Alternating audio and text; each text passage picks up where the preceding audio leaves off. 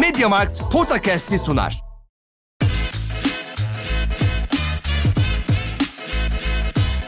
Potakast. Kaan Kural ve Orkun Çolakoğlu'yla NBA gündemine haftalık bir bakış.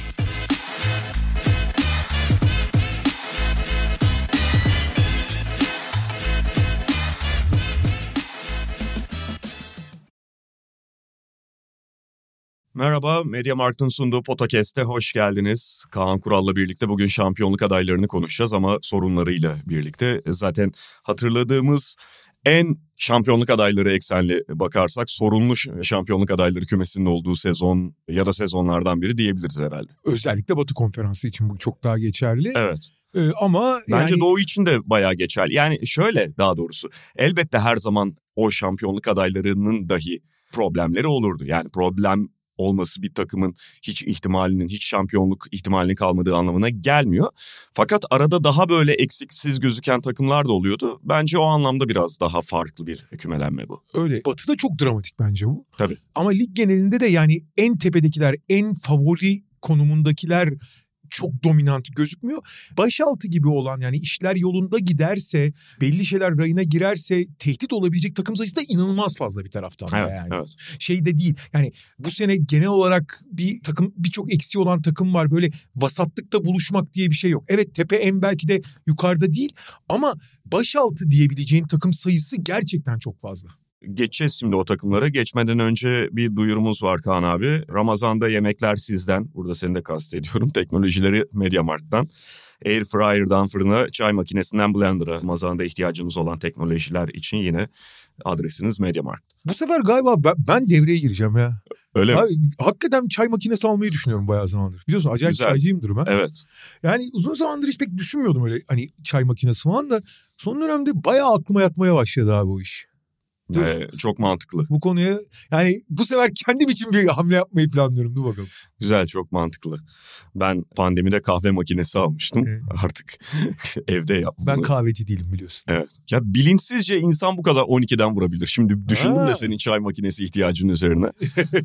yani tabii ki bilin, hani böyle tamamen rastgele şey yapmadım, seçmedim. Elbette internette bir takım şeylere bakıyorsun. İşte özellikle fiyat performans anlamında listeleyen yerler. Sendeki şey mi peki bu hani Filtre kahve. ha ya kali- o şey 3000 yani 4000 liradan başlayan o söylediğin şey gibi pıs pıs eden aletlerden değil yani. Abi yok şöyle yani o espresso makinelerinde falan zaten 4000 liradan başlayan da neyse şimdi şey yapmayayım da Sen- bildiğim sen- kadarıyla o, onun, ondan gelecek espresso ya da americano bilmem ne onlardan hayır gelmez. Ben biraz şeyde kalmışım galiba demoda kalmışım. Ya yok sonuçta- yok yani şey e, ben de başta hani işimi görür diye bakıyordum sonra tadınca abi Anladım anladım.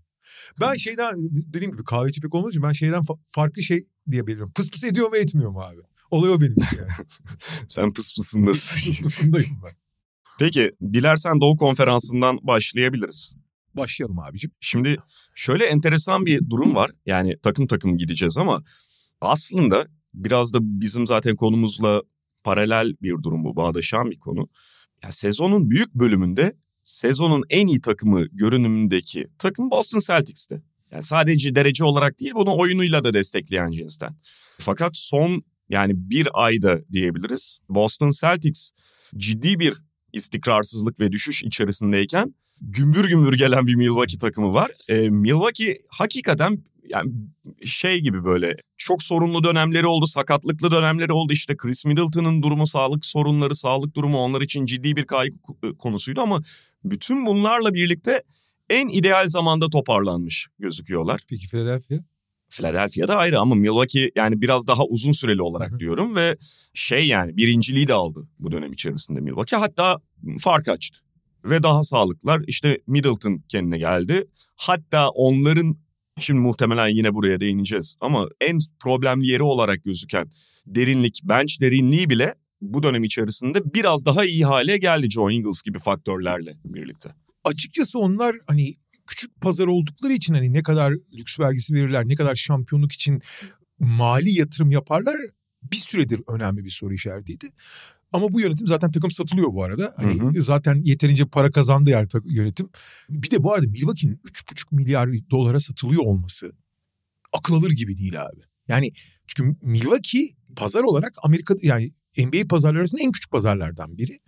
Aynı yıl içinde hatta tam bir yılı geçti gerçi de aynı yıl içinde Minnesota'nın bir buçuğa satıldığı yerde Phoenix'in dörde satıldığı yerde Milwaukee'nin üç buçuğa satılmasına ben inanamıyorum abi. Hı hı. Çünkü yani Milwaukee'nin doğru şu anki kadro rekabetçi olduğu için bir miktar değer katıyor ama o yüzde beş yüzde on fark eder. Yani şu anki takımın iyi olması bir kulübün değerlendirmesi değerlemesi için çok büyük bir faktör asla olmuyor. Yani kulübün diğer şartlarına bakıyorsun. Abi Milwaukee'nin normal şartlarda Minnesota'dan belki çok az daha fazla yaz. Yani iki bile çok olurdu. Abi Phoenix'in dört olduğu yerde gene hani üçe bile gelmemesi lazım. Çünkü Phoenix çok daha büyük pazar. Abi üç buçuk çok acayip bir değerleme yani. Ben şu ana kadar gördüğüm yani yakın zamanda gördüğüm en tuhaf değerlemelerden biri. Abi Milwaukee üç buçuksa Golden State'in 10, Lakers'ın 12 falan olması lazım yani. Hı. Çok acayip yani. Neyse. O yüzden yatırım yapmaya karar verdiler. Şimdi abi bunlar ufak şeyler ama çok da ufak değil abi. Jay Crowder aldı. Yani takımın hani bir süredir zaten peşindelerdi. Onların zaten en çok sevdiği fizikli kanat oyuncusu. Her şey zaten her pozisyonu fizikli oynamayı tercih ediyorlar. Başta Hı hı. Brook Lopez, Yanis ikilisini yan yana oynatmalarından belli yani. Çünkü hani şu tartışmasız bir gerçektir. Playoff atmosferinde bütün faktörleri bir şekilde dengelersen fizik her zaman kazanır. Yani fizikle oynayan kazanır. Hı hı. Çabukluktan, yetenekten, keskinlikten daha önemlidir fizik. Özellikle playoff basketbolu için. Bunu yıllardır deneyimlediler zaten. Yenilirken de deneyimlediler, şampiyon olurken de geçen sene 7. maça giderken de deneyimlediler yani. Jay Crowder eklediler. Belki çok önemsiz, bence hiç katkı da veremeyecek. Çünkü o dönem geçti ama abi Goran Dragic de aldılar. Yani Hı hı. bir, bir takım hamleler yapıyorlar. Bu arada sen derinlik için Joe Ingles örneğini verdin. Başka bir isim daha çok önemli. Javon Carter abi. Evet. Javon Carter bu sene %40'la üçlük atıyor. Hı hı. Yani o ceza şutunu da tabii ki zaten birebir savunmada. Çünkü mesela Drew Holiday çok iyi bir savunmacı belki. Ama hareketli kısaları savunmak için daha böyle pırpır bir oyuncuya ihtiyaç vardı. Ama o da Javon Carter'ı buldular orada. Tabii ya da hani Drew Holiday'in sahada olmadığı dakikalarda da kullanabilirsin. Eğer karşısına koyacağın oyuncu çok uzun boylu bir oyuncu değilse Javon Carter o dakikaları 15 dakika mı neyse 10 dakika mı işini görürsün. Kariyerin 15. yılında bel ameliyatından dönen Brook Lopez'in en iyi sezonunu geçiriyor olması falan. Drew Holiday'in bence hücum anlamında en iyi sezonunu geçiriyor olması. Zaten diğer tarafları bir taraf ama hücumcu olarak çünkü Holiday biliyorsun hani ite kaka girer çok da yüzdeli olmayan bir şekilde bitirir ve hücumda hiçbir zaman çok ciddi artı değer katmazdı. Abi bu sene çok net şut atıyor dribling üstünden. Yani hücum olarak kariyerin en iyi geçiriyor. %50'ye yakın isabet oranıyla oynuyor. Yani şöyle son iki haftada görece bir düşüş yaşadı. Sezon genelindeki performansına göre. Ona rağmen %48'lerde Drew Holiday. %50'ye dayanmıştı. Neyse bence zaten hani bugünü şampiyonluk adaylarının zaafları olarak değerlendiririz. Hı hı. İyi taraflarını boş ver. Abi bence bakın bir tane önemli zaaf var.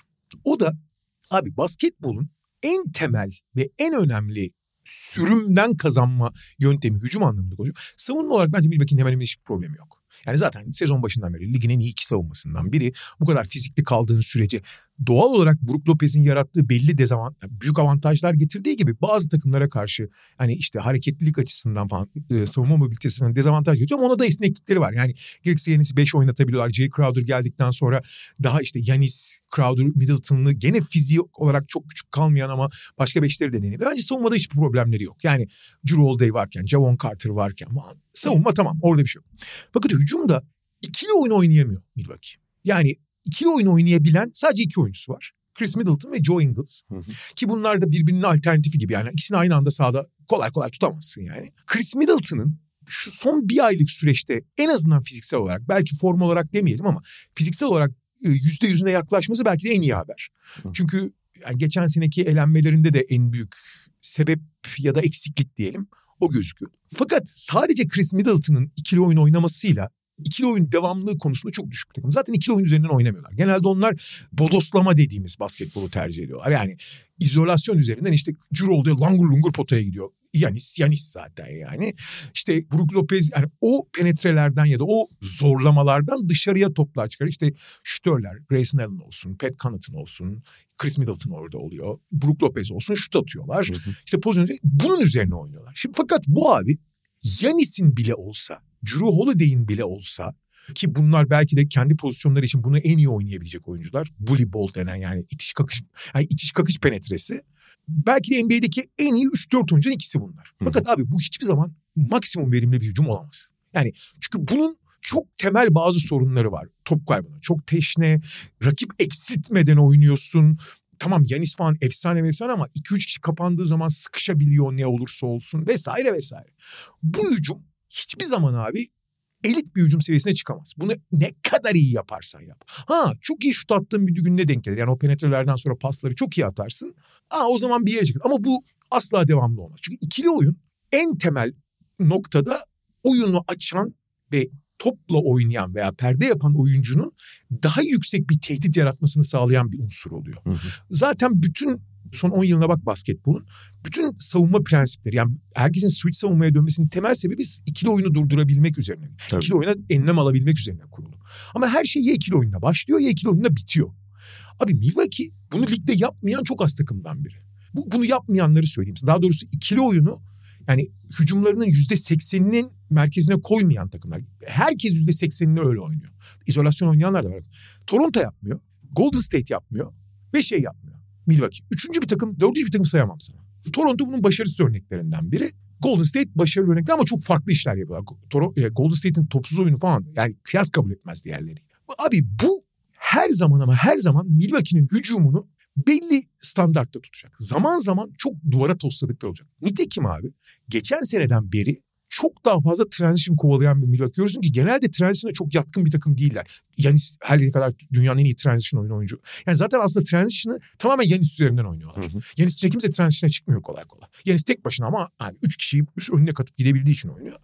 Ve bence onların hiçbir zaman rakibi sürklese edecek bir hücum olmayacak ve bu da her zaman hani hiçbir maçı kolay koparamayacaklar o yüzden. Yani savunmada durdursalar bile kolay koparamayacaklar. Bence de en büyük zaafları bu.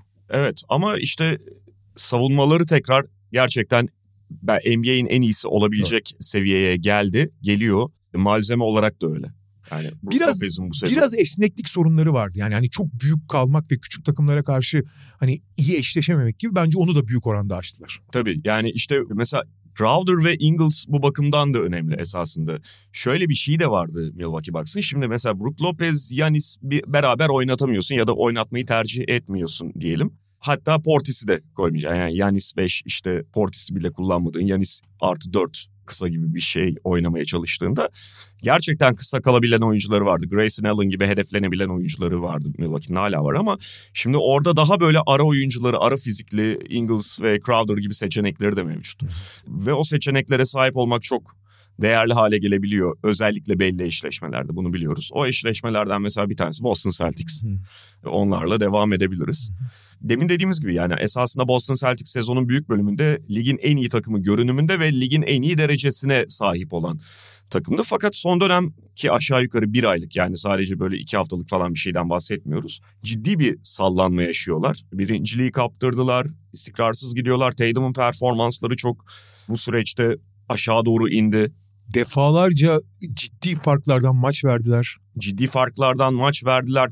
Hani Maç kapatamıyorlar. banko kazanır diye baktığın maçlarda üst üste üst üste cepten düşürüyorlar ve bunu mesela şeyde yapıyorlar. Şimdi NBA normal sezonda o tip maçların kaybedilebildiğini pekala biliyoruz. Fakat 3 tane üst üste maç kaybetmiş oluyor Celtics. Ha, burada zaten net bir reaksiyon verir diyorsun. Dördüncüyü de kaybediyor. Çok net favori gözüktüğü bir maçta. E, bunlar sık olmaya başladı. Joe Mazzulla bununla birlikte çok daha net eleştirilir ya da böyle dışarıdan bakıldığında ya bu adam acaba yani çok mu toy kalacak playoff için sorularını beraberinde getirir oldu. Ve Celtics'in oyunu özellikle o kötü günlerinde şeye çok çalıyor abi. Yani ben onu en çok e, zaten Celtics'in problemlerini ya da kötü gününü Tatum üzerine okumanın mümkün olduğunu hissediyorum. Hücumdaki problemlerini. Tatum'un kaçak güreşmesi ve çok böyle dışarıdan şutla oynamaya şey gününde olması. Kolaya gününde kaçması. Kolaya kaçması. Tatum'un çok kolaya kaçması oyununda da net biçimde hissediliyor, görülüyor. Ya sadece şeye baktığında bile anlayabiliyorsun zaten 3 sayı denemelerini. Yani bazı maçları resmen itiş kakışa, temasa girmeden halletmeye çalışıyor. Çok yetenekli olduğu için de zaman zaman bunu yapabilir Jason Tatum. Fakat bazen de takımı da beraberinde aşağı çekiyor. Yani şey Celtics'in ligdeki belki en fazla şut tehdidine sahip takım olması zaman zaman onları durdurulmaz kılıyor. Zaman zaman da gerçekten fazla yumuşak bir hal almalarını beraberinde getiriyor. Fazla kolaya kaçıp paso dışarıdan salladıkları günler oluyor. Yani. Abi bu şey gibi görülebilir. Yani bu çok basit halledilebilecek işte yani tamam ne var playoff'ta gerektiğinde bunu oynamaz dengeler tak diye işi halleder diye çözümlenebilecek bir mesele gibi görülebilir. Ki bazen hakikaten onu hissettiriyor işte. Bu sabah mesela Sacramento'yu Sürpriz. dağıttılar yendiler.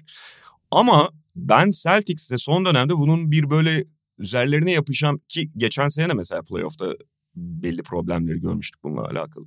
Üzerlerine yapışan bir şey haline geldiğini düşünüyorum. Bence en büyük problemleri de bu. Katılıyorum şöyle bir yan şey çizeyim ona. Sezona hücum anlamında inanılmaz gibi. Yani penetre pas basketbolunun belki de zirvesini oynadılar. Ki burada şey çok önemli senin söylediğin. Yani takımda o kadar fazla çok şut tehdidi var ki ve bunu penetreyle besleyebilecek. Yani çünkü şey çok önemli abi. Penetre edip pası verdiğin zaman o şutlar çok daha kaliteli, çok Tabii. daha değerli şutlar anlıyor. Çünkü Boston'da gerçekten çok fazla şut silahı var. Fakat elit şutör çok az. Hı hı. Ya ben Sam Hauser dışında hiçbirine elit şutör demiyorum onların. Tatum dahil buna. Ee, Tatum'un özellikle şey dribbling yüzdesi, yüzdesi falan da çok düştü ayrı konuda. Ha, hiçbiri ne Derek White, hadi Brogdon'ı da sayalım. Şimdi Brogdon'un da hakkını yemeyeyim ama Brogdon genel top elinde olan oyuncu olduğu için biraz daha o penetre paslardan daha az beslenen isim. Ama yani Sam Hauser da sonuçta aslında 9. 10. oyuncu yani. Tabii. Hani ana rolü olan oyunculardan Robert Williams'ı dışarıda bırakırsak Al Horford evet bu, bu sene gerçekten elit seviyede atıyor ama normalde elit değil iyi bir şutör dersin onu.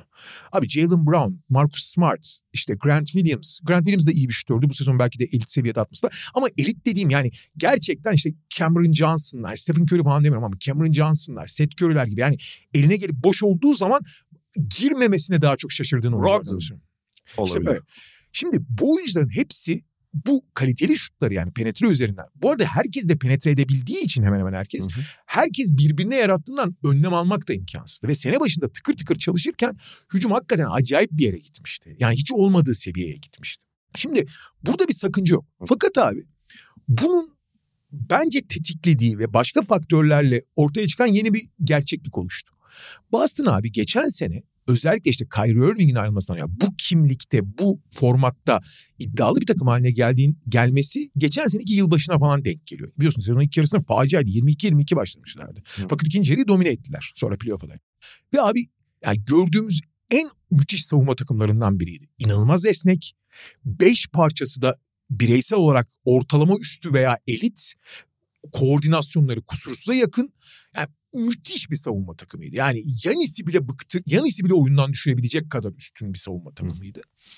Abi bu sene iki tane ana faktör ve bu senin bahsettiğin işte sezon başı durumdan ötürü şöyle bir durum oluştu. Bir, Marcus Smart abi. Geçen sene yani geçmiş çizgisinden çok uzak. Hı hı. Bunun sakatlıkta bence çok büyük bir payı var. Fiziksel olarak iyi gözükmüyor çünkü. Marcus Smart bu takımın hem savunmanın ilk hattı olarak hem de biraz ruhani lideri, o enerji, o yani sağa sola bağıran, biraz kavga çıkaran adamı olarak o seviyede olmaması. Abi yanından vızır vızır geçiyor adamlar ya. Evet. Ben hayatımda ilk defa böyle bir şey gördüm. Bir kere hani geçilse bile mesele ederdi bunu Marcus Smart. Gider olay çıkarırdı yani. Yok abi pıtır pıtır geçiyorlar yanından yani. Artı Robert Williams'ın hani sene boyunca bir var bir yok. Olsa bile ne kadar var belli olmaz. Şimdi savunmanın biri ilk attı ve son attığında böyle büyük bir kayıp yaşadığın zaman aslında çok üst düzey bir savunma takımı hala. Yani her bir geçen seneki parçalar değişmedi abi. Yani oraya zayıf savunmacı almadın ki. Fakat savunmanın genel ruhu ve genel konsantrasyonu değişti. Takımın kimliği de değişti. Takım çok iyi hücum ettiği için ya biz savunmayla ayakta kalırız mantığından çıktığın anda başka bir şeye dönüşüyorsun. Ve hani atamadığı zaman oyundan düşen falan bir takım değil. Tam tersine savunmada daha büyük bir gayretle oynayan takımken abi 25'lerden falan maç veriyorsun. Hı hı. Boston'ın 25'lerden maç almasına alışkınken 25'lerden maç vermesini hiç beklemiyorum. Kimlik değişmiş durumda.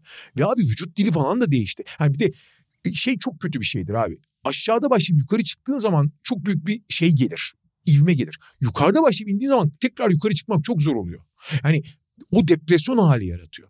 Abi takımda böyle bir kopukluk var gibi ve genel ruh hali çok bozulmuş gibi. Bir de şey senin söylediğin konuya geri dönersek abi biz istesek yaparız. Abi o, o çok tehlikeli bir konu. Evet. Çünkü bir bu iş göründüğü kadar yani öyle kulağa hoş geldiği kadar abi biraz dişini sıksan olur gibi olmuyor bir. İkincisi özellikle işin savunma tarafı biraz konsantrasyon, alışkanlık ve koordinasyon işidir abi. Bunlar cilalanması gereken konular.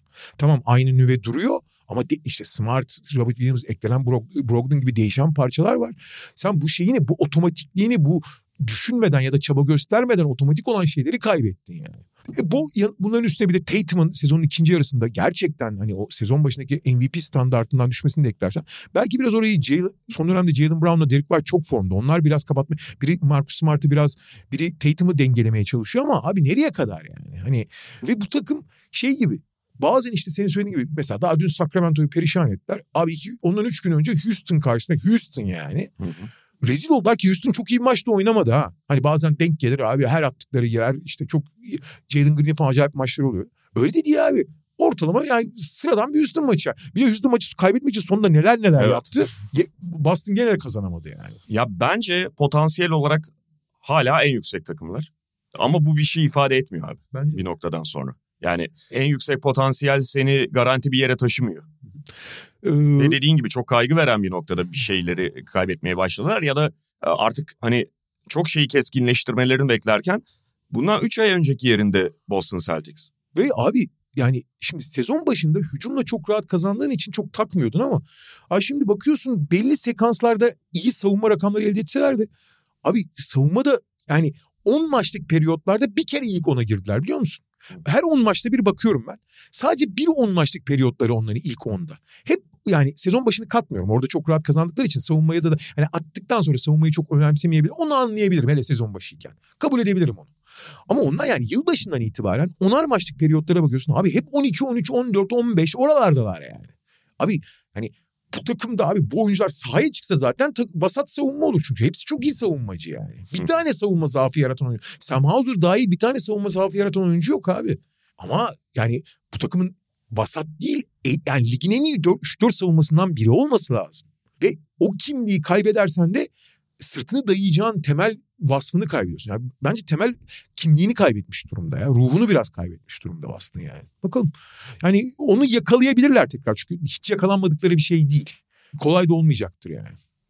Philadelphia'dan az önce böyle parantez içerisinde geçirdik belki. Yani Milwaukee'ye göre daha kısa süreli olsa da onlar da bu dönemde tam doğru noktada çok formdalar. Daha geniş bakarsan yalnız Harden sakatlıktan döndüğünden beri yani Hı-hı. Aralık ortasından beri ligin bir numarası takımı. Yani gene daha geniş bir resimde. Tabii. Ee, ya arada böyle kötü düştükleri ha. kısa bir dönem olmuştu. Bir de bazen çok tekrar toparladılar. Bazen çok etkileyici galibiyetler bazen ilginç maçlar kaybedebiliyor. Onun da etkisi var. Evet. Yani o da elbette algıyı etkiliyordur. Mesela son kaybettikleri Celtics maçı bence iyi gözükmedi. Ama Celtics de onların panzehiri gibi ya. Biraz oraya gelecektim Hı-hı. zaten. Şimdi bunların hepsi zaten playoff düşünülmeye başladığında akılda yer ediyor ya da notlar arasına giriyor. Ya Embiid acayip formda işte tekrar birlikte şey yapmaya başladılar. Yani o ritmi kazanmaya başladılar. Takım iyi gidiyor, tırmandılar vesaire. Ama bu takımın belli özellikteki ki Celtics bunların en uçtaki örneği. Takımlara karşı playoff'ta cevabı hala yok mu sorusu bence beraberinde geliyor Philadelphia'nın. Aynen öyle. Gerçekten çok ilk bir buçuk hatta ilk 40 günü çıkarırsan ki bence hani herhangi bir sezondan çıkarabilmek için en hani hiçbir şeyi çıkarmamak lazım ama en az öneme sahip olan en eski olandır. NBA birinci durumda. Hı hı. Ve teorik olarak NBA'nin durdurulamaz ne derler silahı diyelim Harden Embiid ikili oyunu. Evet. En nitekim onu görüyoruz yani. Hele Harden'da belki Houston seviyesinde olmasa da yeni versiyon Harden böyle oynadığı sürece de Embiid de NBA'nin en iyi oyuncusu gibi, dünyanın en iyi oyuncusu gibi oynadığı sürece. Etrafında da şütörlerle bu abi, ikilinin. Harden Embiid ikili oyunu çalıştığı sürece etrafına ne koyarsan koy. Ha iyi şütörler, iyi yan parçalar koyarsan daha da iyi olur. Nitekim abi şu anda göz ardı ediliyor ama abi şimdi Philadelphia muazzam gidiyor değil mi? Abi D'Anthony Melton sezon başından çok daha geride. Kötü bir sezon dönem geçiriyor. Tobias Harris dökülüyor. Ama şey Tyrese Maxey iyi oynuyor. İyi durumda fiziksel yani bireysel olarak. O yüzden hani Abi her şey gözü güneşlenmiş gibi gözüküyor. Hayır abi öyle bir şey yok. Aslında hani diğer parçaların çok iyi olduğu bir dönem geçirmiyorlar. Yani full herkes tıkır tıkır çalışıyor bir durumda değiller. Fark etmez abi çünkü ana silahlar çalışır ama diğerlerinin hayatı çok kolay yani. Ama onların zaafı dersen de bir gerek Harden gerek Embiid'in özellikle Harden özelinde bu çok daha geçerli ama abi playoff'ta çok kötü sindiklerini biliyoruz. Embiid sinmiyor ama Embiid'in bir tane iyi playoff'u yok be abi. Hep sakatlanıyor bir şekilde. Hep bir şekilde bir adım geride kalıyor. Domine ediyor. Ha zamanı gelmiş olmayabilir. Hani zamanı gelecektir. Ama abi hep tuhaf tuhaf sakatlıklar yani. Şey de biliyorsun Toronto serisinde 2019'da hasta olmuştu. Hasta hasta Hı. oynamıştı. Hani iki maç iyi iki maç kötüydü. E geçen sene şey Toronto serisinde elmacık kemiği kırıldı. Bir de şey değil o standart hani onun ayak problemleriyle ilgili değil. Tuhaf tuhaf şeyler oluyor. E Harden'ı biliyoruz zaten. Hani playoff serilerine harika başlayıp sonra tamamen sahada görülmeyen bir e, düşerek bitirir. Böyle soru işaretleri var ama bu sene işte gerek PJ Tucker'ın eklenmesi, işte bir takım yan parçalarla falan tamamlayıcı parçalarla bunu aşabileceklerini işte Embiid'in sırasının geldiği düşünüyor. E Harden bir numaralı opsiyon olmadığı zaman ya bu versiyon Harden daha top dağıtmaya, daha oynatmaya yatkın ya- Harden'ın da en azından bu ortamda daha barınabileceği düşünülüyor. Ama göreceğiz bunu. Yani onlar e, Doug Rivers'ın da playoff performansı biliyorsun. Favori oldu. Hani favori olmadığı her seride, her maçta çok iyidir. Favori olduğu her seride rezillik çıkarır ortaya. Bunların hepsi soru işareti. Ama esas bence zaafları abi. İşte bu Boston örneğinde görüyoruz. Abi Philadelphia'nın yapabildiği süper şeyler var ama yapamadığı çok ilginç şeyler var. Birincisi mesela Milwaukee şu anda NBA'nin bir numaralı şampiyonluk adayı olarak Hı. gözüküyor değil mi? Konuştuk. Benim sezon başından beri öyle hala da öyle. Abi Milwaukee'yi inanılmaz iyi eşleşiyorlar. Hı hı. Yani Milwaukee'nin yapmaya çalıştığı her şeyi çok iyi durduruyor. Çünkü o itiş kakış penetresini en iyi durdurabilecek oyuncular var. Harden'la Embiid bunlara karşı hani Yanis'i birebir de en iyi savunan oyuncu Embiid belki de. Hı hı. En iyi yavaşlatan. Çünkü onu Yanis'in yapmaya çalıştığı her şeyi direkt sıfırlıyor. Çünkü çarparak daldığı zaman Embiid'i yerinden kıpırdatamıyor Yanis. Kendi dengesi bozuluyor. E Harden da aynı şekilde o Eurode langur lungur dalışlarını Harden tamam çok kötü bir savunmacı ama o tip oyuncuları savunabilir yani. Çok kuvvetli çünkü. Artı Yanis hariç hiç fast break kovalamadıkları için transition en büyük zaaf olan transition savunmasını hiç tehdit etmiyorlar. Philadelphia'nın en büyük zaafı transition savunması abi. Guardlar o kadar kötü ki Harden ve Maxi o kadar dikkatsiz ki çünkü transition savunmasında asıl sorumluluk guardlardadır. Oradan acayip gol yiyorlar yani. Hı hı. Ve kısalar gerek Maxi gerek Harden. Melton bu konuda yardımcı olsa da bir yere kadar Melton. Abi çabuk ikili aksiyonları hiç savunamıyorlar. Ve ikili aksiyon üzerinden şey çabuk penetreleri hiç savunamıyorlar delici, delici oyuncuları. Abi Boston bunları çabuk aksiyon üzerinden acayip delici oynadığı için abi hiçbir şekilde yanıtları kalmıyor şeye Boston'a. Boston'ın yapmaya çalıştığı her şey Philadelphia'nın zaafı olan yerlere vuruyor yani. Ya Boston sürekli ayağını ateş ediyor. Ayağı en zayıf yeri yani. Ya perimetre, perimetre odaklı ve özellikle e, dribbling üstü şut atan oyuncusu Boston kadar fazla takımlar Philadelphia'nın en büyük Tabii, şey karşılığı, en büyük panzehiri. Ve yani bunun önemli bir noktası da Embiid'in stili. Evet. Embiid'in de Çünkü ga- Embiid o kadar dışarıya açıldığında savunmada rahatsız oluyor. Konfor alanından çıkmış oluyor. ve guardların geçirgenliği abi. Yani Tabii o da var. Hani iki- bu ikisi birleşince korkunç bir kombinasyon aslında. Boston gibi takımlar o yüzden çok rahat oynuyorlar Philadelphia'ya karşı hücuma, hücumdayken. Hı. Artı eğer biraz transition kovalarsam Philadelphia'yı çok fazla tek ayakta da yakalayabiliyorsun geri koşamadık. Yani e, guardlar özellikle geri koşarken disiplini sağlayamadığı için. Ve Philadelphia yani yıllardır aslında normal sezonda genellikle savunma istatistiklerinde hep iyi olsa da buna tam bir yanıt veremiyor bir taraftan. Evet. Ve direkt buradan tehdit eden bir takım geldiğinde de aynı problemleri tekrar tekrar yaşadıklarını görüyoruz. Bence en büyük yine sıkıntıları o olarak Bence- playoff'a girecekler. Bence de. Şey çok ilginç ama yani şimdi 2-3 Boston'la Philadelphia olacak herhalde. Evet. Onlar yani mesela Milwaukee'den bence çok daha az çekiniyorlar Boston'la olduklarını. Yani Milwaukee oynamayı tercih ederlerdi Ke- bence. kesin katılıyorum. Evet. Kesin katılıyorum. Yani playoff hep konuştuğumuz gibi bir eşleşme şeyidir yani olayıdır. En iyi takım her zaman nihayetinde kazanan takım olmayabilir. son dönemde son yıllarda sıralama belki önemini kaybetti ama Milwaukee'nin bu açıdan birinciliği alıp Philadelphia'nın başına Boston'ı atması yani zaten hani çok güçlü iki takım birbiriyle eşleştirmek iyi bir şey. Artı seni sana problem çıkaracak bir takım çıkarabilecek iyi bir takımı başka bir takımın ele- eleme ihtimali çok daha büyük avantaj bence yani. Evet. Batı'ya geçelim buradan. Yani doğudan 3 takımı aldık. Yani sonuçta başka yani Cleveland'lar vesaire belli iddialar ama biz gerçekten şampiyonun adayı gibi gözüken daha güçlü adayların zaaflarından bahsediyoruz. Batı'nın Doğu'dan 3 takım aldık. Batı'dan da 3 takım alacağız ama Batı'daki tabii durum biraz daha karışık ama aralarında 3 tane seçmek için seçtik yani. Evet bir tanesi lider Denver Nuggets ama onlar da son dönemi pek iyi geçirmiyorlar. Ben son dönemdeki tökezlemelerinin biraz abartıldığını düşünüyorum onu Hı söyleyeyim. hı. Evet çok önemli zaaflar var, devamlılık sorunları gibi sorunları var ama yani 3 tane 4 tane kötü mağlubiyet aldı diye hani sezonun tamam kritik bir yerindeyiz ama abi bir takım da bu kadar gömülmez abi.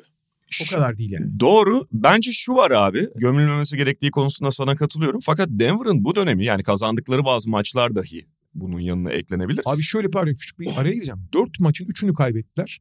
arada bir tek Detroit kazandılar. Son çeyrekte 5 ya 91-86 geriden gelip kazandılar ki Detroit yani. Evet ve Denver'ın ciddi bir takım problemlerini hatırlatan bir periyot olduğu için belki de şey oldu. Daha da öne çıktı.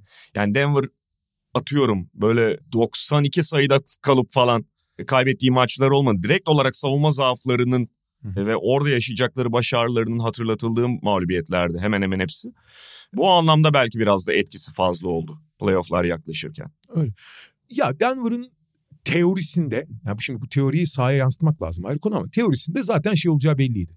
Yani olağanüstü bir hücum seviyesi. Mümkünse ehvenişer idare eder bir savunma olursa bu onları eşik atlatabilir. Yani ama hani kötü savunma ve savun, hücum ne kadar iyi olursa kötü savunmayla bir yere kadar gidersin. Şimdi hücum gerçekten olağanüstü. Ama son dönemde özellikle Cemal Murray, yani Cemal Murray abi Ocak başından All Star arasına kadar yani 40 günlük bir süreçte muhteşemdi hatırlarsın.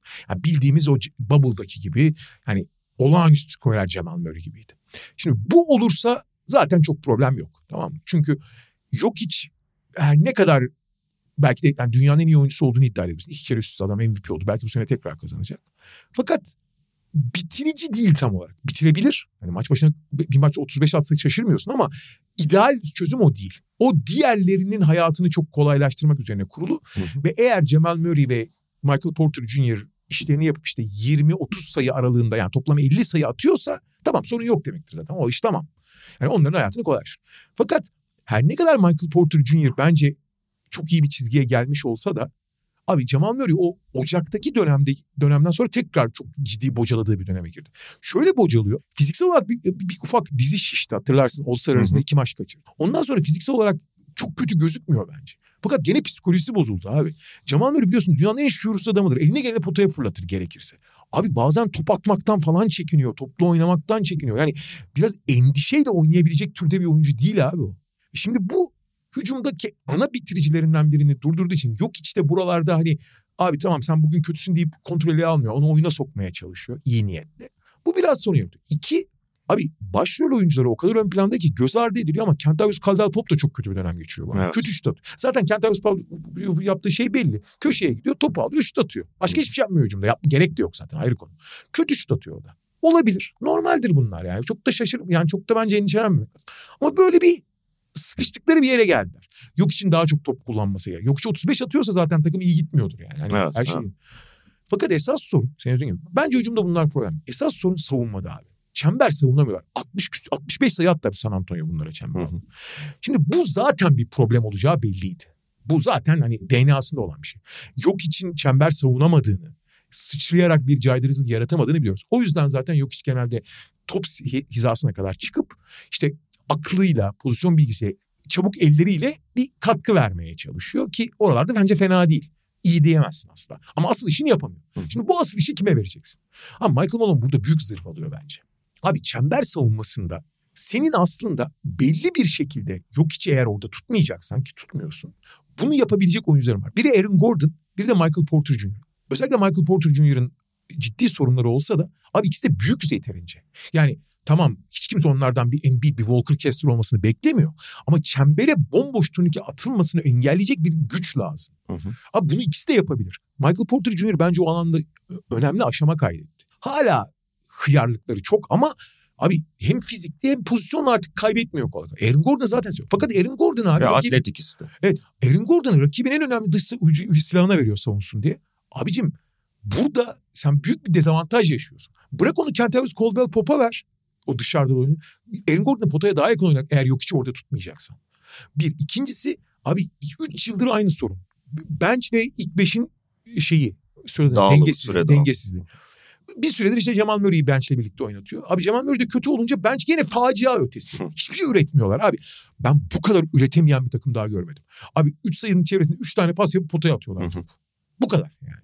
Abi rezalet ötesi. Abi bunu mesela Michael Porter Jr. da Aaron Gordon da orada da daha fazla kullanıyor. Kentavius Caldwell bunu kullanamaz. Çünkü o zaten üretmiyor. Ama abi bu şeyi kombinasyonları çok daha sağlıklı yapmak mümkün. Yani mesela Bruce Brown'la şeyin sürelerini Michael Porter Jr.'ın sürelerini değiştirerek Michael Porter Jr.'ı daha fazla ikinci beşle Bruce Brown daha fazla ilk beşle oynatabilirsin. Tabii. Çünkü, Çünkü Bruce Brown gibi oyuncuları zaten yok hiç çalıştırıyor. aynen Michael Porter Jr.'da aslında çok çalıştırmana gerek yok. Evet, Evet. çalıştırırsan iyi olur ama abi hiçbir şey üretilmeyen hücumda el üstüne atabiliyor abi Michael Porter Ee, Jr. evet. Ya hatta yani post-up falan oynatırsın. Aynen öyle. Fakat şöyle bir şey var abi. Michael Malone'un taktik olarak iyi bir koç olduğunu düşünüyorum ben bu arada. Gerçekten oyundaki en güzel setleri o dizayn ediyor bazı açılardan. Mola çıkışlarında doğru seçimler yapıyor. İyi koç yani teknik açıdan. Ama ben ona hep şey diyorum abi. Resmen mimarlık yapıyor. Ama mühendislik başka bir şey. Anlatabiliyor muyum? Dizaynı yapıyorsun ama dizayn uygulaması var. Uygulamada abi en büyük problemlerinden biri mükemmeliyetçi olduğu için ve bazı inandığı değerlere o kadar inanıyor ki. Mesela abi şimdi sahada herkes hata yapıyor tamam mı? Cemal Murray hata yapıyor. Yok hiç hata yapıyor. Şey hata yapıyor. Abi Michael Porter Jr. hata yapınca abi adamın tepesi atıyor. Şimdi ben de izleyici olarak aynı şeyi söylüyorum. Çünkü Michael Porter Jr. gerçekten dangalakça hatalar yapıyor. Yani fakat abi çünkü Michael Porter Jr. Michael Porter hep dangalak yani. Hani ba- basketbol açısından söylüyorum. Fakat abi şimdi herkesin belli bir miktarda hata yapma lüksü olur. Hatanın abi daha tabii ki daha kötüsü olur. Ama toplam yarattığı etkiye bakacaksın abi. Ulan bu eşeklikte yapılmaz dediğin hatayı yapıyor. Fakat bunun frekansı maç başına 10 tane yapıyorsa oynatma tamam. Ama maç başına 2 tane yapıyorsa Cemal Murray de 2 tane yapıyorsa Tolere edebilirsin. Abi bunu kabul edebilirsin. Kızamazsın adama. Abi ben kızarım seyirci olarak. Sen kızamazsın. Yani kızsan bile yani onu azaltmaya çalışacaksın tabii ki. Ama bu yüzden hep bir cezalanma. Kaç kere bunu yaptı abi? Bir de Michael Porter gerçekten iyi oynuyor yani. Hı hı. Tamam onun hatası daha göze batıyor. Daha can sıkıyor. Daha canını yakıyor. Eyvallah. Ama abi bunu büyük resimde makro değerlendirirsen mikro değerlendirme gibi bir lüksün olamaz senin yani. Hı hı. Takıntılı abi ona. Acayip bir şekilde. Yani böyle hata yapılmıyor. E yapılmaz da kardeşim yapılıyor işte yani. Sen top, genel toplamda maçın içinde ne yapacağına bakacaksın. Ya bu sorunlar hep sürecek bu arada. Yani özellikle savunma dağılları. Ama Michael, Michael Malone kendi inatlarından, kendi iyi dizaynının başarılarına olan inancından biraz vazgeçip biraz o sabit fikirliğinden uzaklaşmazsa bunları çözmek daha zor. O zaman şeye kalacaklar. Yani Cemal Murray'nin tekrar forma girmesine, kendi Pope'un iyi şut atmasına kalacaklar. Ben hep şey diyorum abi Michael Malone dünyanın en şanslı adamı. Abicim senin yok için var ya. Yani Michael Malone'un işlerinin yarısını o kadar kolaylaştıran bir oyuncu ki. Düşün abi. Embiid, LeBron, ne bileyim Kawhi, Durant. Hadi Curry'i sayma. Curry hariç hangi süper yıldız bu kadar bir koçun hayatını rahatlat kolaylaştırır ya? Şöyle abi hiçbiri yok hiç hücum anlamında konuşuyorsak yok hiç kadar komple değil. A- ve sağ dışı etkenler açı, sağ dışı faktörler açısından. da. Ya tabii ki şey olarak falan da söyle, e, bunu ekleyebilirsin. Yani e, oyuncunun yaklaşımı, Aynen. ruh hali, Ruh zor bir adam olmaması. Yani süperstara göre zor olmaması, koçu yönetilebilmesi. Aynen koçu hiçbir zaman tehdit etmemesi, sürekli sahada elinden geleni yapması falan filan. Evet. Ee, surat bile yapmıyor abi yok hiç. Evet. Yani sonuçta zaten istatistik yapmakla ilgili bir kendi problemi olmuyor ama onlara baktığı yok adamı umursamıyor bile hani. Doğru o anlamda çok büyük şans. Yani eğer bu yani Denver'ın zaafı şu. Denver bunları çok değiştiremez. Yani vasat yani iyi, idare eder bir savunma takımı ve olağanüstü bir hücum takımı olmak zorunda. Ben şeyden çok endişe etmiyorum. Cemal Murray'in şu anki formsuzluğundan. Hı Yapabileceğinde bir şey yok zaten. Abi formsuzsa formsuz kardeşim forma girsin diye uğraşacaksın. Herifin zaten iyi sporcu olduğunu da biliyoruz. Kötü bir dönem geçiriyor. Caldwell, Caldwell Pope'da. Bu bu kadar problem değil. Bu takım abi sağlıklı olduğu sürece süper bir hücum takımı olacak. Bunca bence sakın şey yok. Playoff'ta da olacak yani. Hı. Hiçbir şey değişmeyecek. Playoff'ta e, e, playoff'a yansımıyor. Yani. Ama abi savunmanın belli inatlarından vazgeçmesi özellikle Michael Malone'un ve daha şey olmak zorundalar. Yani en azından bir çember savunan e, yapı kurmak zorundalar. Bu yok hiç olmayacak belli. Ama abi Aaron Gordon'ın, Michael Porter Jr.'ın veya Zeke Naji'nin kimse yani değiştireceksen bir şeyleri değiştirmek zorundalar yani. Evet yoksa süper hücum takımı olmakla birlikte herkesi karşında özellikle üst düzey takımları, Phoenix'leri vesaireleri karşında hep süper hücum takımı olarak senden daha da süper hücum takımı olarak göstereceksin. Aynen öyle. Öyle kılacaksın. Ve o zaman işte yaptığın hücumun da çoğu anlam çoğu zaman anlamı kalmıyor. Evet.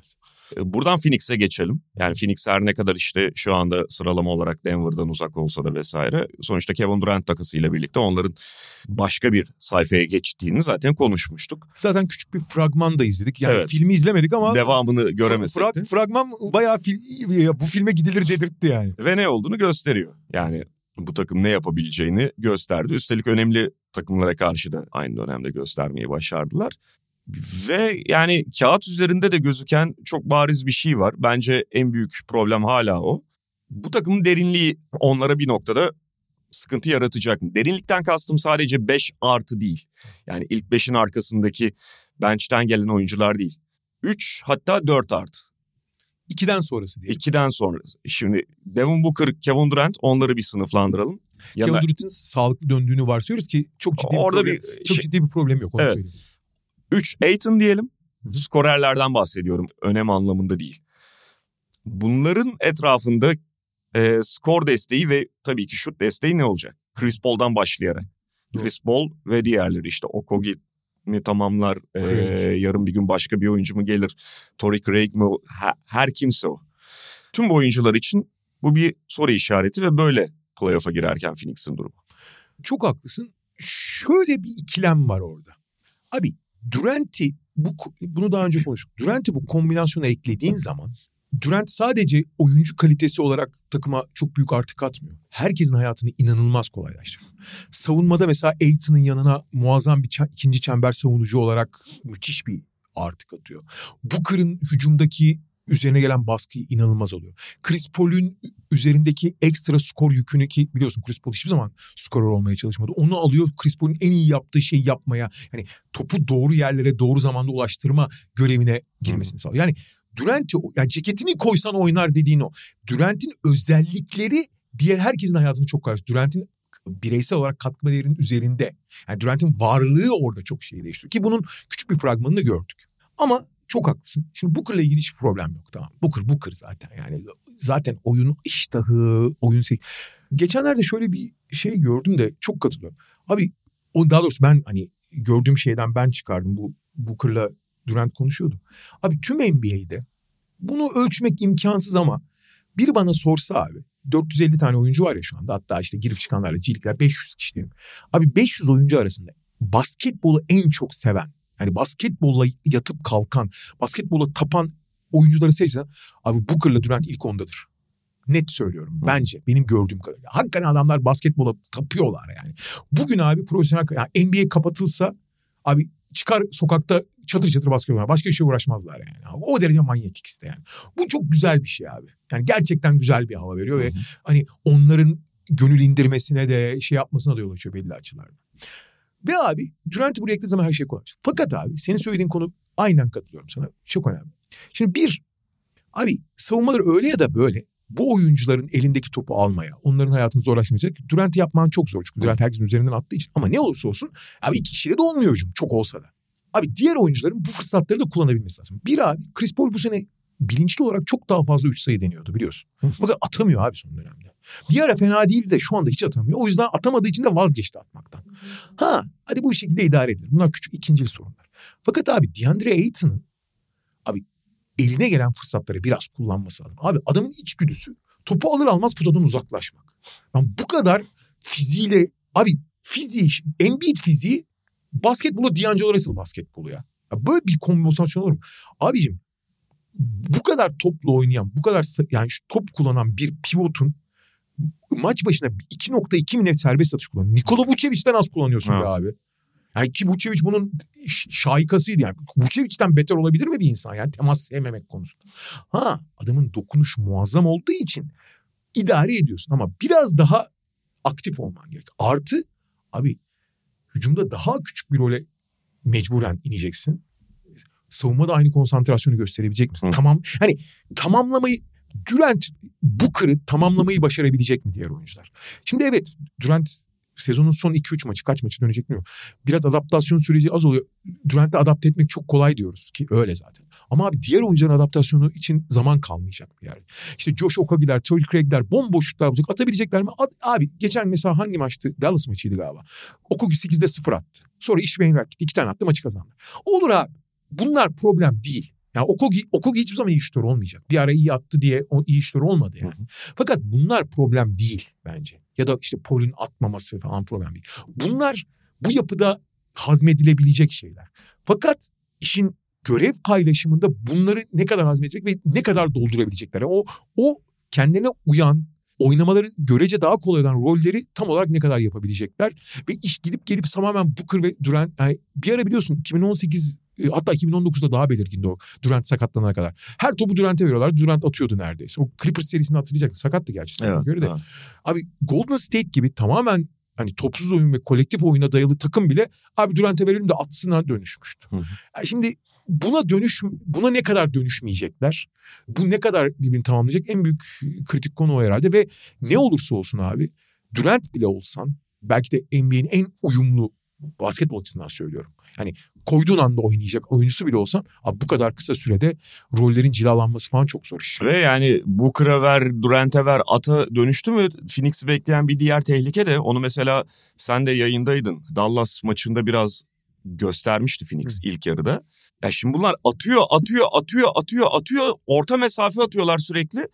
Ha, Ee, 2-3. Şey oluyorsun, e, matematikte yeniliyorsun. Doğru. Yani illa her da- daim yenilmiyorsun. Bazen de e, karşındaki takım o ritimle atamayabilir. Ama bunun gösterdiği ya da oyunun hissettirdiği şeyin tam anlamıyla skor karşılığını alamıyorsun Kevin Durant ve Devin Booker'ın bütün o özelliklerine rağmen. İkinci bir konuda iki, bence çok önemli. Bu zamanında Iverson takımlarında, Kobe takımlarında çok görülmüştür. Evet. Belli oyuncular aktif işleri çok yaptığı zaman diğer oyuncular bu mesela geçtiğimiz yıllarda Dallas mesela geçen sene Dallas buna düşmeyerek çok başarılı oldu. Hı hı. Diğer diğer oyuncuların oyun şeyi düşüyor abi. Konsantrasyonu. Konsantrasyon çok dikkat. öyle.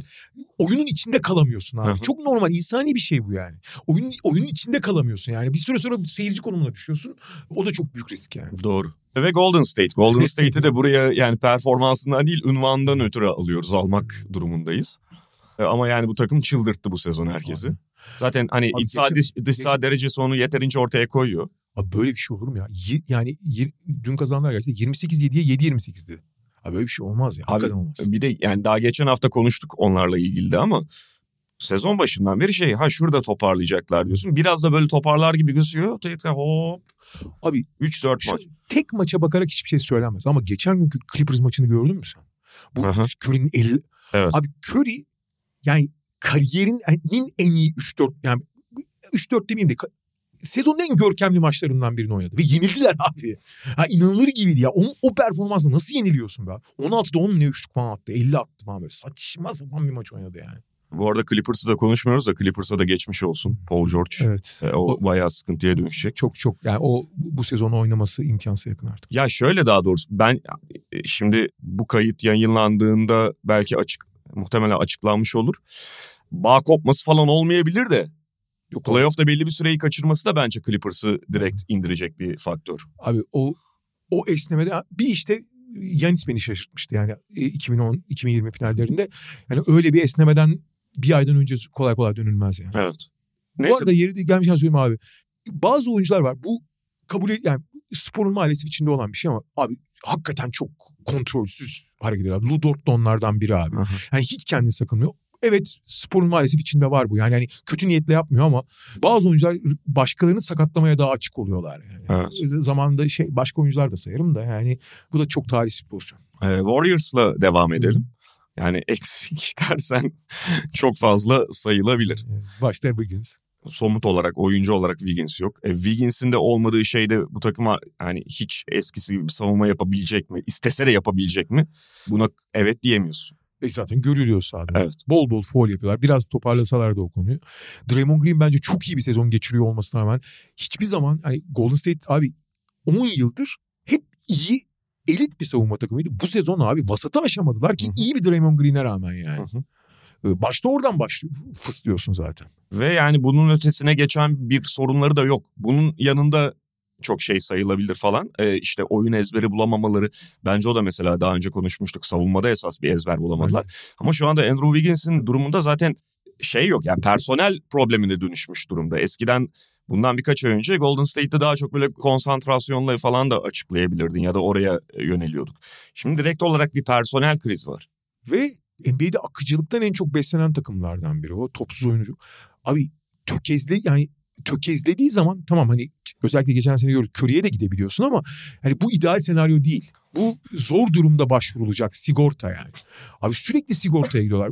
Özellikle Jordan Poole felaket bir sezon geçiriyor. Yani o fason Curry olması gereken yani Curry'nin yerine oynaması gereken saçma sapan bir şey oynuyor abi. İyi attığı maçlar falan var ama abi top kayıpları, oyun devamlı, oyun akıcılığına verdiği zarar. Büyük problem yani gerçekten. Abi şey bu sezon kaç kere şeyi gördük ya. Yani Pool bir şey yapıyor takım arkadaşlarına bir ne yapıyor bu manyak? Curry'nin biliyorsun maç içi bırakıp gittiği bir maç var. Aha. Ki Curry hayatta yapmaz böyle şeyler yani. Hani Draymond Green falan yaptığını görüyoruz da ki sezon başında yaşanan yumruk olayından sonra Draymond Green pek bir şey demiyor. Yoksa daha beter çıkardı. Abi Curry dişliğini fırlatıp Dişlik olayı tabii dişliğini fırlatıp gitti yani, yani pool yüzünden. Ama hani bu devamlıklar falan hücum bu arada ilk beşi bir aradayken ideal ilk beşi hala çok iyi gözüküyorlar sahada ve hala o nüve orada duruyor. Ama abi ne savunmanın ne hücumun bir devamlılığı kalmış değil. Ve abi sürekli hani ha bu şimdi olacak ha e, toparlayacaklar ha kendilerini bulacaklar. İşte biz onu 2018'de 2019'da da görmüştük. Yani başarı geldikten sonra Golden State'in bir böyle rahatlaması böyle Clay'in Clay hep şey diyor. Ya üçüncü çeyrekte çözeriz bunları falan havası hep vardır. Ama abi sezon bitti be. Sezon bitti ve Nen Wiggins döndü. Wiggins'in dönmesini bırak. O e, Golden State kimliği de hiç dönmedi. Ha, bir taraftan da şey diyor tabii Golden State cephesi kendi içinde. Abi geçen sene şampiyon oldu takım. Fakat abi geçen sene playoff başlarken Golden State çok kötü durumdaydı. Stephen Curry sakatlıktan dönüyordu. Kenardan geliyordu oyuna. Çok- uzun süredir çok kötü şut atıyordu Stephen Curry. Evet. %35-34'lere düşmüştü üçlük yüzdesi ki olacak iş değil yani.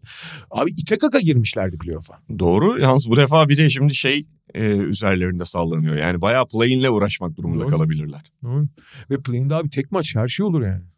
Olur bu Golden State yap şeyiyle özellikle. Hı. Yani o kadar da gidecek e, hiçbir şey olmasa yıpranacaksın abi. Hı, hı. Ee, ama işte onlar da eğer yani playoff'a girebilirlerse ki çok büyük ihtimalle girecekler. Hani ne olursa olsun e, o geçen seneki Golden State'i hatırlatıp işte eldeki hani ilk beş bir aradayken oynadıkları oyunu hatırlatıp ki Wiggins'in bu arada dönüşü de çok büyük soru işareti.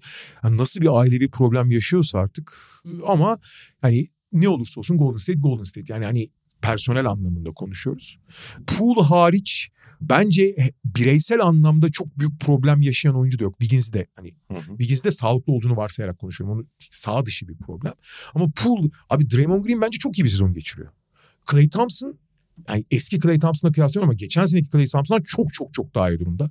Stephen Curry belki de kariyerinin en iyi dönemini geçiriyor. Yani 2016 ile kıyaslamak istemem ama yani 2016'yı dışarıda bırakırsam bundan geçen seneden daha iyi abi Stephen Curry. Muhteşem durumda yani. Abi asist ve rebound rakamları kariyer re- rekoruna gidiyor zaten. Re- reboundda kariyer rekorunda asistte galiba en iyi ikinci sezonunu geçiriyor ama fiziksel olarak da çok iyi. Her açıdan çok iyi. E Looney zaten Looney yani çok şey yok. E Donte DiVincenzo biraz inişli çıkışlı olsa da bence çok iyi uyum sağladı. Kesin. Abi daha ne olsun yani? Hani bireysel anlamda her şey çok iyi pool hariç. Ama bir, türlü ileri gitmiyorsun yani. Wiggins yani geçen sene zaten onu çok göstermişti de bu defa yokluğuyla maalesef e, hissettiriyor. Yani çok çok önemli parça. İki, şey yapamıyorsun yani onu herhangi bir oyuncuyla e, kapatamıyorsun. Hatta şöyle söyleyeyim yani belki geçen seneki Otto Porter'la belli ölçüde kapatabilirdin de o da yok artık elinde sonuçta. Ama Otto Porter da abi biliyorsun o Washington'daki ilk sene sonra çok iyiydi Otto Porter'ın. Sonra ayak problemlerinden de yıllarca yani Tabii 4 yıl falan doğru düzgün oynayamadı. Bir sene Golden State'de oynadı. Maalesef o problemler o problemler onun kariyerini bitirecek galiba maalesef. Evet dediğimiz gibi bugün şampiyonluk adaylarını konuştuk. Golden State'i de yani şampiyon unvanıyla oraya dahil ettik. E, Kontenjandan kontenjandan 6'ya da tamam yani üçer üçer. şey Hiçbir ya, konferans kırılmaz. şey oluyor ya son şampiyon otomatikman dahil ediliyor turnuvaya ama mesela çok kötü durumda falan oluyor. O bir şey oluyor. Yani sıralamadan bağımsız bir eee, şeydi bizimki kategorilendirmeydi. Mediamarkt'ın sunduğu podcast'te bu haftalık bu kadar diyoruz. Haftaya tekrar görüşmek üzere. Hoşçakalın. Hoşçakalın. Mediamarkt Podcast'i sundu.